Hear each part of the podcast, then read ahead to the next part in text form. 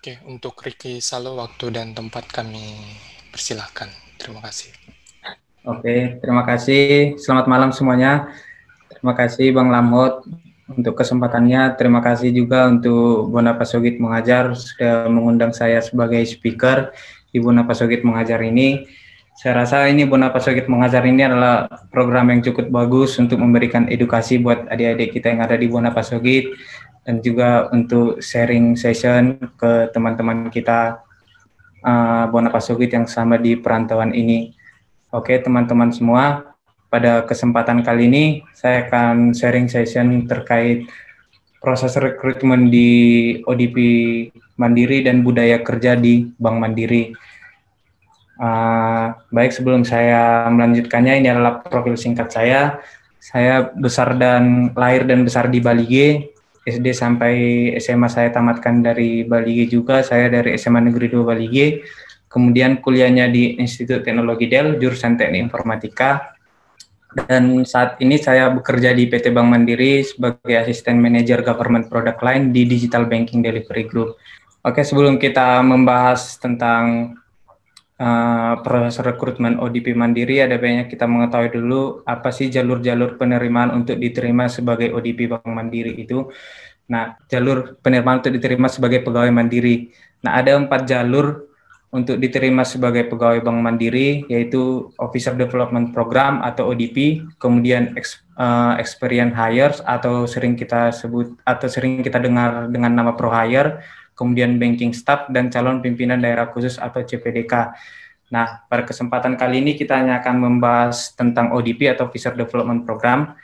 Nah, apa sih ODP itu? ODP itu adalah program yang telah disiapkan oleh Bank Mandiri bagi generasi muda atau fresh graduate yang siap berkarir dalam rangka diharapkan mampu membentuk kader-kader muda yang dapat meneruskan kepemimpinan Bank Mandiri atau di internal Bank Mandiri sering juga disebut program ini sebagai program akselerasi manajer muda atau di perusahaan lain atau di BUMN lain mungkin teman-teman juga sering mendengar dengan sebutan MT atau manajemen train.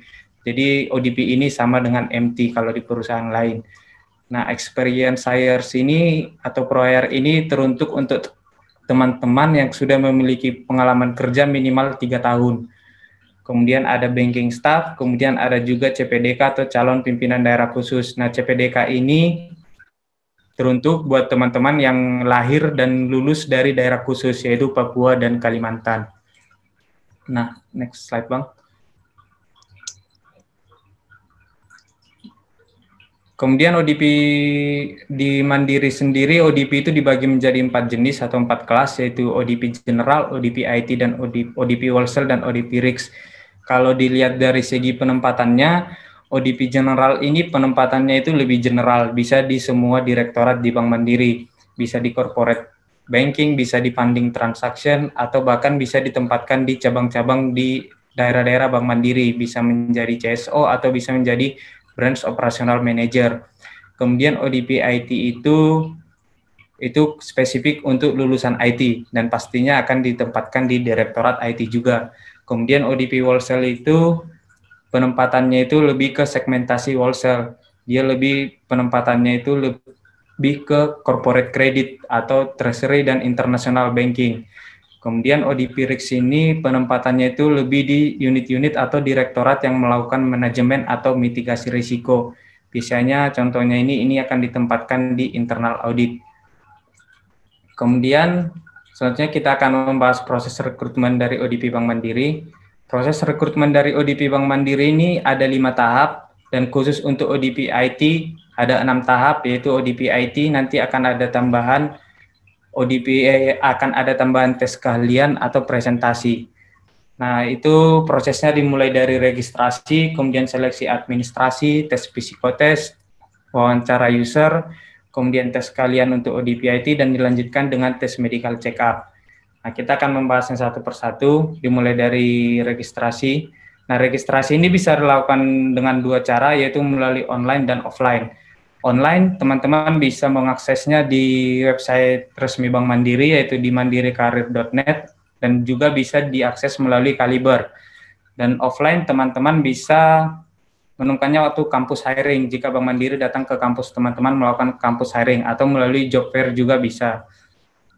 Dan yang perlu diingat, selama proses rekrutmen ODP Bank Mandiri ini teman-teman tidak akan dipungut biaya apa pun. Jadi jika teman-teman ketika mengikuti proses rekrutmen ini ada dipungut biaya, teman-teman bisa mengkonfirmasikan bisa mengkonfirmasi keaslian dari proses rekrutmen itu. Kemudian setelah selesai registrasi akan dilakukan seleksi administrasi di internal Bank Mandiri. Next slide, Bang. Kemudian akan dilakukan seleksi administrasi di internal Bank Mandiri. Nah, ada beberapa nilai, ada beberapa uh, faktor yang menentukan kelulusan dari teman-teman untuk dari kelulusan teman-teman di seleksi administrasi ini. Itu nilai rata-ratanya untuk S1 minimal IPK-nya itu adalah 3 dan untuk S2 3,20. Kemudian usia maksimum untuk S1-nya 25 tahun, kemudian untuk S2 27 tahun. Kemudian ketika teman-teman melakukan registrasi di baik di Mandiri Karir, Kaliber atau melalui kampus hiring, teman-teman nantinya akan diminta untuk membuat sebuah esai. Isi dari esai ini itu uh, the big achievement atau prestasi terbesar selama ini dan bagaimana cara menggapainya. Itu teman-teman akan membuatnya minimal 350 kata bisa dituliskan menggunakan bahasa Inggris atau bahasa Indonesia. Tapi jika teman-teman menuliskannya dalam bahasa Inggris itu menjadi suatu nilai plus bagi teman-teman. Dan info dari teman-teman yang apply ODP Bank Mandiri di tahun ini di tahun 2020 membuat essay ini sudah digantikan dengan membuat video. Jadi teman-teman disuruh diminta untuk membuat video tentang big achievement juga dan bagaimana cara menggapainya minimal dua menit dengan nantinya akan diupload di YouTube dan dan link YouTube-nya akan diikut sertakan ketika mendaftar di Kaliber atau Mandiri Karir. Nah, ketika uh, registrasi ini, teman-teman pastinya akan diminta untuk mem memasukkan CV atau memberikan CV. Nah, saran saya ketika teman-teman membuat CV untuk mengikuti proses ODP Bank Mandiri ini, teman-teman ada baiknya untuk me menampilkan pengalaman organisasi di CV teman-teman karena sebe seperti yang sudah saya bilang sebelumnya ODP ini adalah program untuk the next future leader di Bank Mandiri jadi program jadi pengalaman organisasi ini menjadi salah satu faktor yang paling utama untuk menentukan teman-teman lulus di seleksi administrasi ini. Nah, kemudian jika teman-teman sudah lolos seleksi administrasi, teman-teman nantinya akan mendapatkan email untuk lanjut ke tahap selanjutnya. Tahap selanjutnya itu adalah tes psikotes. Tes psikotes ini akan dilaksanakan dengan third party dengan pihak ketiga yaitu SHL. Nah, apa-apa aja sih yang dites ketika tes psikotes ini ada empat jenis yaitu penalaran logika numerik, penalaran logika verbal, tes kepribadian dan motivation questionnaire. Nah, jika teman-teman ingin latihan tes psikotes Bank Mandiri, teman-teman bisa mengaksesnya di link yang ada di slide di shl.com. Di situ ada berbagai soal contoh tes psikotes dari Bank Mandiri. Nah, dan yang perlu diingat eh, teman-teman, uh, nah di tes psikotes ini nantinya akan ada soal-soal terkait tes kepribadian dan motivation questionnaire. Ada baiknya teman-teman mengisi tes kepribadian dan motivation questionnaire ini sesuai dengan kepribadian teman masing-masing. Karena nantinya ini akan ditanyakan kembali ketika interview user. Bahkan pertanyaan yang paling banyak di interview user itu adalah terkait dengan tes kepribadian dan motivation questionnaire di tes psikotes ini. Kemudian setelah selesai tes psikotes, teman-teman juga nantinya akan mendapatkan oh ya dan tes pengetahuan eh, tes psikotes ini dilakukan secara online. Oke, setelah melaksanakan setelah selesai melaksanakan tes psikotes, psikotes ini, teman-teman nanti akan mendapatkan email jika dinyatakan lulus dan dilanjutkan dengan wawancara user atau interview user. Interview user ini teman-teman bisa memilih tempatnya, bisa di kantor pusat di yaitu di Jakarta, bisa di Medan, bisa di Semarang, bisa di Surabaya, bisa di Bandung dan bisa di Jogja untuk Kalimantan dan Papua sampai sekarang belum ada infonya apakah bisa dulu atau enggak. Kemudian yang ditanyakan seputar interview user ini tidak, kalau sesuai dengan pengalaman saya sendiri tidak terlalu teknikal. Yang ditanyakan itu terkait leadership experience, terus terkait tes kepribadian dan motivation questionnaire yang ditanyakan ketika psikotes tadi dan juga uh, esai yang kita buat waktu registrasi tadi. Dan pastinya nanti ada dua pertanyaan yang pasti akan ditanyakan kepada teman-teman, yaitu bersedia ditempatkan di seluruh Indonesia dan rencana menikah dalam waktu dekat. Nah, jika teman-teman ditanyakan bersedia ditempatkan di seluruh Indonesia, ada baiknya teman-teman tanpa ragu menjawabnya bersedia, karena nantinya UDP Mandiri ini akan ditempatkan di seluruh Indonesia, bisa di Sumatera, di Jawa, di Kalimantan, dan bahkan di Papua. Kemudian jika ditanyakan rencana menikah dalam waktu dekat, ada baiknya teman-teman menjawab tidak ada karena ketika teman-teman mengikuti proses pendidikan ODP Bank Mandiri selama satu tahun, teman-teman tidak akan diperbolehkan untuk menikah. Kemudian, dan yang perlu diperhatikan juga ketika melakukan wawancara user itu teman-teman harus memberikan kesan yang kesan pertama yang baik ke interviewer, make a good first impression. Nah, itu bisa melalui pakaian teman-teman yang rapi, bisa melalui sikap atau perilaku teman yang sopan, atau contohnya itu menyapa interviewer ketika pertama kali masuk ke ruang interview atau tidak duduk sampai dipersilakan interviewer untuk duduk. Nah, kemudian interview ini bisa menggunakan bahasa Indonesia dan bahasa Inggris. Nanti teman-teman akan ditanya di awal apakah ingin bahasa Inggris atau bahasa Indonesia. Dan jika teman-teman uh, interviewnya menggunakan bahasa Inggris itu menjadi kelebihan menjadi nilai plus bagi teman-teman. Nah, untuk interviewernya itu nanti akan ada empat orang, satu orang HRD dan tiga orang interview lain yang setingkat dengan VP atau Vice President, atau bisa jadi satu HRD dan dua SVP atau Senior Vice President. Nah, kemudian, nah di hari, nah khusus untuk ODP IT di hari yang sama, ketika selesai wawancara user, teman-teman akan melanjutkan ke presentasi. Ke presentasi interviewernya sama juga dengan uh, interviewer di wawancara di wawancara user jadi teman-teman untuk ODP IT akan diminta untuk membuat sebuah slide presentasi terkait inovasi teknologi apa yang kira-kira bisa bawa teman untuk teman-teman untuk diterapkan di Bank Mandiri. Presentasinya juga menggunakan bahasa Inggris. Nah, kemudian uh, setelah selesai wawancara user, jika teman-teman dinyatakan lulus, teman-teman Oh ya, setelah selesai wawancara, wawancara user ini di hari yang sama juga teman-teman diminta untuk melakukan tes psikotes secara offline. Nah, tes psikotes yang pertama tadi kan itu kan online. Nah, setelah wawancara user ini di hari yang sama juga teman-teman akan diminta untuk melakukan tes psikotes secara offline untuk mengklarifikasi untuk mengklarifikasi apakah tes online itu dilakukan memang betul-betul dikerjakan oleh teman-teman.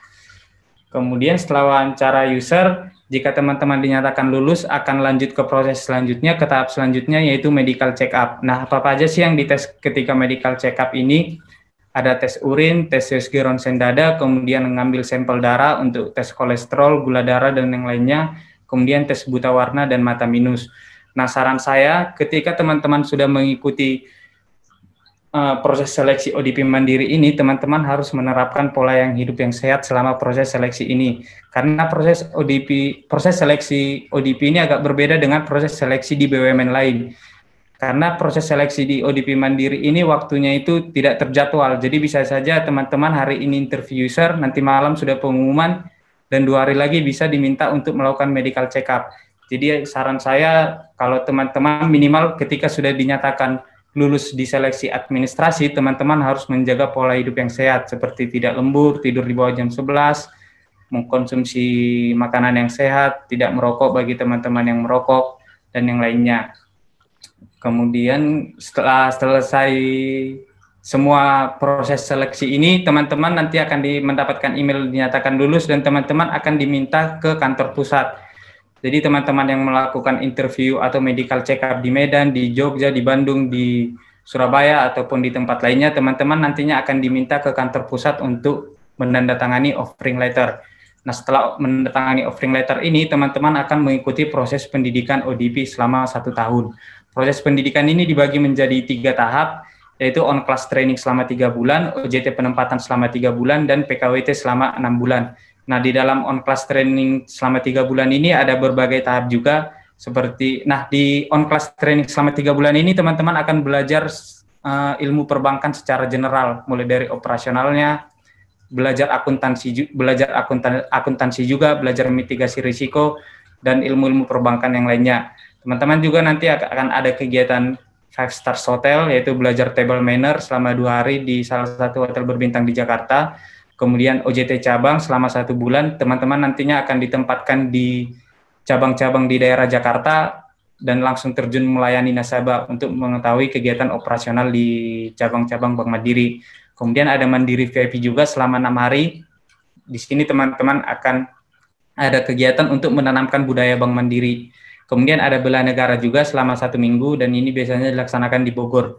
Nah setelah on class training selam, oh ya di on class training ini juga selama mengikuti ini konsepnya seperti kuliah pada biasanya Senin sampai Jumat jam tengah 8 sampai jam 5 dan di akhir sesi itu teman-teman akan menghadapi ujian setiap harinya ujian terkait materi yang dipelajari satu hari itu dan itu nanti nilainya akan direkap semua dan direkap semua dan itu nanti akan ada rapornya ketika uh, teman-teman uh, nantinya akan diangkat kemudian setelah on class training tiga bulan ini teman-teman akan diminta ke kantor pusat kembali ke kantor pusat lagi untuk dibacakan SK penempatan jadi OJT penempatan selama tiga bulan dan PKWT enam bulan ini teman-teman sudah melaksanakannya di unit tempat penempatan teman-teman masing-masing. Dan itu penempatannya di seluruh Indonesia. Kemudian slide selanjutnya, Bang. Uh, dan ini seperti yang aku bilang sebelumnya, ini penempatannya bisa di mana aja. Jadi kita nggak tahu di mana ditempatkan sampai SK dibacakan dan untuk khusus daerah khusus itu di Papua, teman-teman akan mendapatkan benefit yang lainnya seperti rumah dinas, bisa jadi mobil dinas juga, dan tunjangan uh, tunjangan gaji yang lebih dibandingkan teman-teman yang ditempatkan di daerah lain. Oke, selanjutnya ini budaya kerja. Kalau ditanya budaya kerja sih, karena saya juga udah pernah bekerja di swasta, di startup, jadi kalau ditanya budaya bagaimana budaya kerja, kalau saya pribadi sih yang kalau saya pribadi merasakan nggak tidak terlalu banyak perbedaan yang spesifik ya perbedaan budaya kerja di swasta di startup dengan di BUMN. Palingan yang yang paling mencolok itu adalah jam kerja dan pakaiannya. Jam kerja di Bank Mandiri sendiri itu itu dimulai dari pukul 7.30 sampai 16.30. Maaf ini di slide 17.30, tapi aslinya itu adalah 16.30 Kemudian pakaiannya harus formal, yaitu harus menggunakan celana bahan, menggunakan kemeja, menggunakan batik, dan menggunakan sepatu pantofel. Tetapi sudah ada satu unit di Bank Mandiri yang sudah membebaskan pakaian dari pegawainya, bisa menggunakan jeans, jeans ataupun kaos oblong. Yaitu, nama unitnya itu adalah unit saya sendiri, yaitu Digital Banking Delivery. Kemudian ada satu ada satu budaya kerja di Bank Mandiri itu yang yang yang saya senangi itu yaitu pola pikir pembelajar ya, pola pikir pembelajar. Jadi di Bank Mandiri itu setiap pegawainya itu di, dituntut untuk tidak berhenti untuk belajar. Jadi setiap pegawainya itu di, uh, di dituntut untuk memiliki pola pikir untuk bela, untuk belajar terus. Bahkan setiap pegawainya itu diharuskan untuk mengambil training minimal 44 jam dalam dalam satu tahun. Dan itu diwajibkan harus diambil. Trainingnya bisa dari Mandiri University atau bisa juga dari uh, training dari luar. Dan itu diwajibkan untuk diambil seluruh pegawai tetap Bank Mandiri. Dan itu mempengaruhi dari perform KPI atau performance dari setiap pegawainya. Kemudian nah di sini juga ada gambar itu uh, pada tahun 2018 Bank Mandiri mendapatkan penghargaan sebagai World Best Employers itu penghargaan yang diberikan kepada perusahaan-perusahaan dunia yang memberikan fasilitas-fasilitas terbaik untuk karyawannya. Nah, tahun 2018 itu Bank Mandiri mendapatkan peringkat 11, ada juga dari Indonesia juga ada perusahaan lain itu ada BCR peringkat 32 di atas dari perusahaan-perusahaan besar dunia lainnya seperti Facebook dan Ferrari. Dan pada tahun 2020 juga kalau nggak salah itu bulan lalu Bank Mandiri mendapatkan penghargaan itu juga dan ada juga perusahaan dari Indonesia bersama dengan Bank Mandiri yaitu Tokopedia. Kemudian slide selanjutnya Bang. Kemudian ini pro kontra bekerja di BUMN atau Bank Mandiri. Kalau saya pribadi sih pro kontra ini setiap pribadi pasti memiliki tolak ukur yang berbeda ya untuk menilai bagaimana kelebihan dan kekurangan bekerja di satu perusahaan. Tapi ini uh, menurut pribadi saya sendiri ya, yang kelebihan atau pro bekerja di BUMN atau Bank Mandiri. Yang pertama itu adalah jenjang karir. Jenjang karir ini menjadi salah satu alasan utama bagi para job seeker untuk mengapply ke BUMN. Karena contohnya di Bank Mandiri sendiri jenjang karir atau karir pet dari setiap pegawai itu sudah ditentukan. Contohnya contohnya dari lulusan dari ODP Mandiri. Nah, ketika teman-teman lulus ODP Bank Mandiri, teman-teman ketika pertama kali eh ketika sudah lulus teman-teman akan mendapatkan corporate title itu atau jabatan struktural itu sebagai asisten manager dan dalam 2 sampai 3 tahun kemudian teman-teman akan diangkat menjadi first manager. Kemudian dalam 2 sampai 3 tahun kemudian teman-teman akan diangkat eh, menjadi senior vice senior eh menjadi senior manager dan kemudian sampai ke vice president dan senior vice president. Jadi udah ada jenjang karirnya masing-masing. Tergantung teman-teman bagaimana mencapainya, menggapainya, memberikan effort yang besar, memberikan effort yang maksimal gitu. Kemudian Pro yang kedua itu tunjangan dan bonus ini merupakan uh, apa faktor utama juga uh, banyak job seeker mengapply ke BUMN karena tunjangan dan bonus bekerja di bank BUMN itu bisa dibilang cukup banyak tidak sedikit ya. Jadi bisa dibilang contohnya di Bank Mandiri di Bank Mandiri sendiri teman-teman akan mendapatkan bonus tahunan, mendapatkan tunjangan cuci tahunan, mendapatkan tunjangan listrik, mendapatkan THR. Jadi kalau dihitung itu satu tahun itu teman-teman bisa men, bisa gajian 18 sampai 24 kali dalam satu tahun.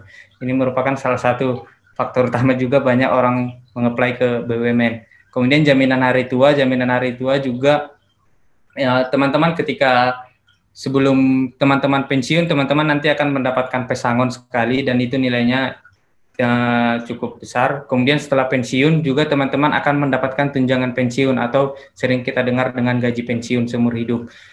Kemudian melanjutkan studi juga beasiswa untuk melanjutkan studi di Bank Mandiri ini terbuka lebar ya bagi teman-teman yang ingin melanjutkan studi dengan syarat teman-teman harus sudah bekerja di Bank Mandiri minimal tiga tahun dan teman dan performance dari teman-teman selama tiga tahun itu tidak boleh lebih kecil dari nilai B jika syarat-syarat itu sudah memenuhi, teman-teman bisa melanjutkan mendapatkan beasiswa untuk melanjutkan studi ke luar negeri.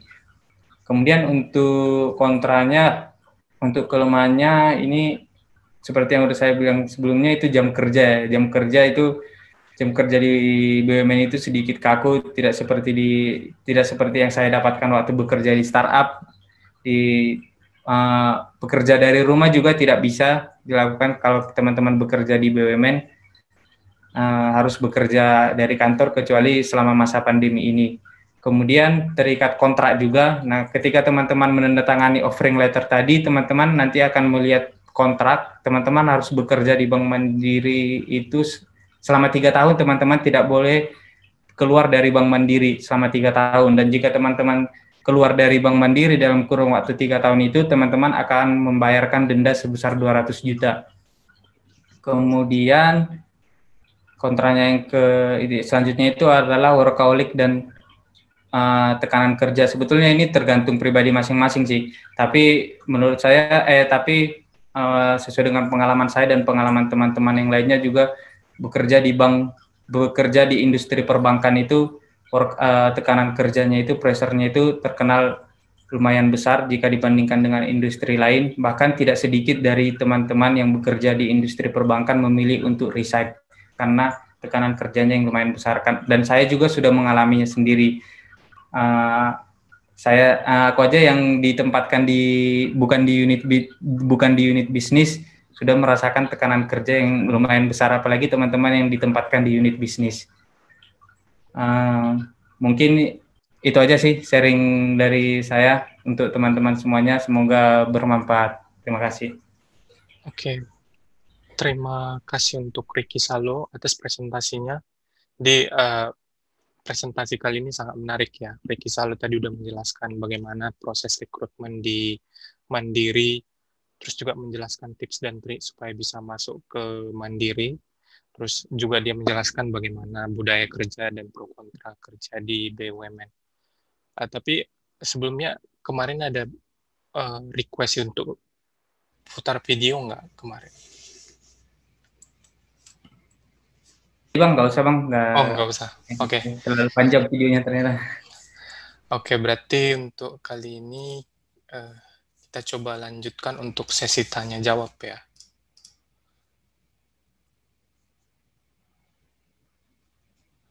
Udah ada nih pertanyaan.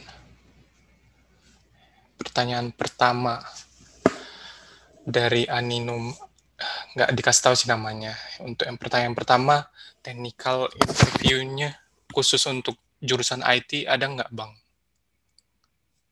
Nah, untuk technical interview-nya itu ketika tadi kan aku kan bilang ada satu tahap tambahan untuk ODP IT yaitu presentasi. Nah, technical interview-nya itu itu dilakukan ketika presentasi setelah selesai presentasi dan yang ditanyakan itu adalah seputar tentang apa yang teman-teman presentasikan. Kan yang kan yang uh, topik dari presentasi itu tidak ditentukan Bank Mandiri, yang penting dia seputar inovasi teknologi apa yang bisa di teman-teman terapkan di Bank Mandiri. Contohnya aku kemarin itu presentasinya itu teknologi yang bisa saya yang coba saya terapkan itu adalah mengganti uh, PIN ATM dengan uh, face recognition dengan face recognition. Jadi tidak perlu menginput PIN ATM lagi. Dan yang dipu dan ten, technical interviewnya itu adalah seputar tentang face recognition itu. Bagaimana algoritma yang dipilih bagaimana security-nya dan yang lainnya gitu. Jadi itu technical interviewnya uh, berkaitan dengan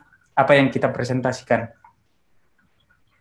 Oke, terima kasih. Udah cukup jelas ya. Oke, pertanyaan berikutnya mau nanya dong Bang, ODP Mandiri itu menerima nggak setiap tahunnya? Kalau sepengalaman saya sih pasti nerima setiap tahunnya sih Bang. Uh, teman-teman itu minimal satu tahun itu bisa sampai lima kali penerimaan sampai apalagi itu ODP general ODP general itu pasti selalu dibuka setiap bulannya tapi kalau untuk ODP yang lain kayak ODP IT, ODP wholesale dan ODP risk itu tergantung dari permintaan perusahaannya tapi uh, kalau sepengalaman saya itu dalam satu tahun bisa jadi sampai lima kali penerimaan untuk ODP ini dan itu biasanya satu angkatan itu yang diterima biasanya satu kelas itu 30 orang kurang lebih 30 orang Oke, siap. Makasih banyak ya. Jadi udah jelas ya dengan pertanyaannya. Pertanyaan berikutnya. Bang, untuk keahlian IT, tes keahliannya itu kira-kira gimana? Kayaknya tadi udah ya dijelas. Atau perlu ya. dijelaskan lagi nggak ini? Kayaknya sama sih Bang, jawabannya kayak okay. yang pertama tadi itu sesuai dengan apa yang kita presentasikan. Terus ini ada pertanyaan, ada kemungkinan nggak gagal selama pendidikan enam bulan ini? Oh ya, ada kemungkinan gagal selama pendidikan, bukan enam bulan ya, pendidikannya itu selama satu tahun. Jadi kemungkinan gagal itu ada. Kan seperti yang udah aku bilang tadi, ketika on class training tadi yang selama tiga bulan, teman-teman akan melakukan ujian setiap akhir sesi, setiap Senin sampai Jumat, setiap akhir sesi, teman-teman akan diuji terkait apa yang dipelajari satu hari itu. Hari Sabtu juga teman-teman akan mengikuti ujian juga yang diuji itu apa yang dipelajari satu minggu itu. Jadi itu nanti nilainya akan direcord semua, nilainya itu akan direcord semua, akan dirata-ratakan, uh, akan uh, akan dirat. Kemudian yang tiga bulan OJT penempatan itu juga ada nilainya. Itu nilainya itu lah di presentasi di unit kerja masing-masing. Nah jika teman-teman tidak memenuhi standar dari kelulusannya, teman-teman ada kemungkinan untuk tidak lulus. Contoh, contohnya, tapi itu biasanya uh, nggak langsung diputus kontrak sih. Biasanya itu akan proses pendidikannya itu akan diperpanjang. Itu proses yang tahap PKWT, yang tahap PKWT yang enam bulan tadi itu biasanya akan diperpanjang. Contohnya itu di angkatan saya sendiri itu kemarin ada sekitar tiga orang yang nggak lulus, tapi nggak langsung diputus kontraknya, tapi pro, tahap PKWT-nya itu diperpanjang sekitar tiga bulan gitu. Dan mungkin kalau teman-teman tidak memenuhi standar kelulusan juga selama perpanjangan yang tiga bulan itu bisa jadi teman-teman uh, kontraknya akan diputuskan atau tidak diangkat menjadi pegawai tetap. Oh, berarti setelah enam bulan itu ada kira-kira kayak tes lagi atau berdasarkan hasil Enggak, kerja itu berdasarkan berdasarkan nilai kita selama ini sih bang. Nilai yang tadi kan ada proses on class training tiga bulan. Nanti itu nilainya akan direkap. Kemudian ada proses OJT penempatan itu nilainya juga akan direkap. Kemudian itu nanti digabung, kemudian ada beberapa poin penilaiannya lagi untuk menentukan kelulusan gitu, Bang.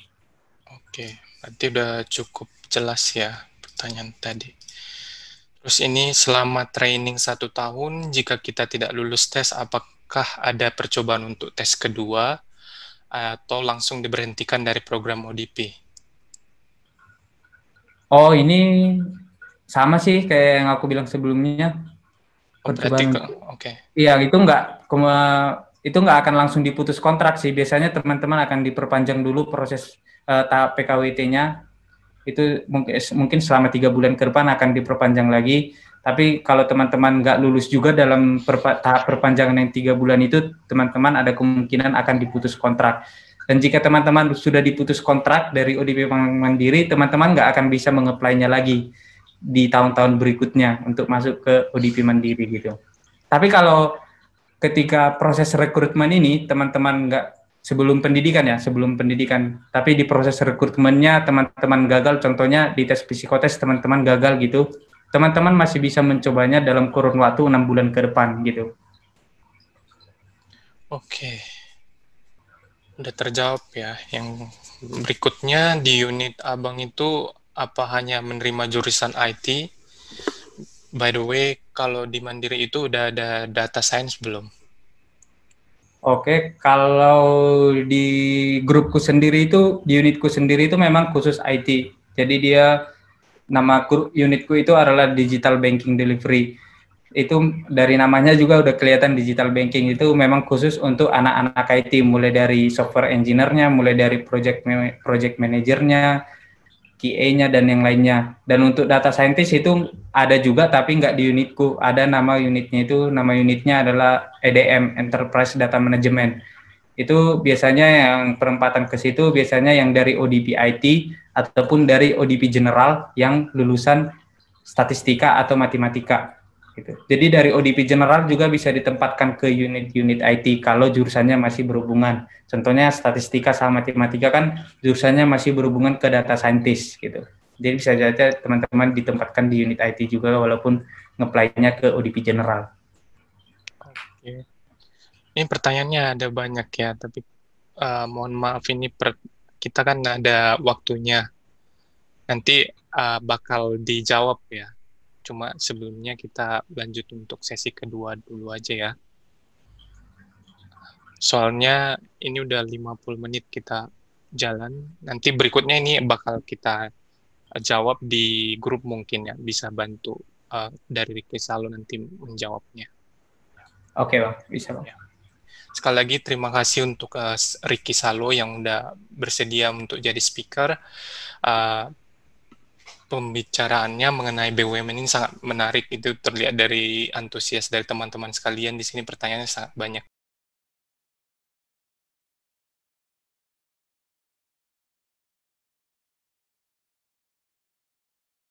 Jangan lupa follow Instagram akun kita di Bonapasogit Mengajar dan jangan lupa juga buat subscribe dan nonton YouTube kita di Bonapasogit Mengajar karena kita bakal sharing informasi-informasi menarik di sana. So, sekian dari kami. Terima kasih.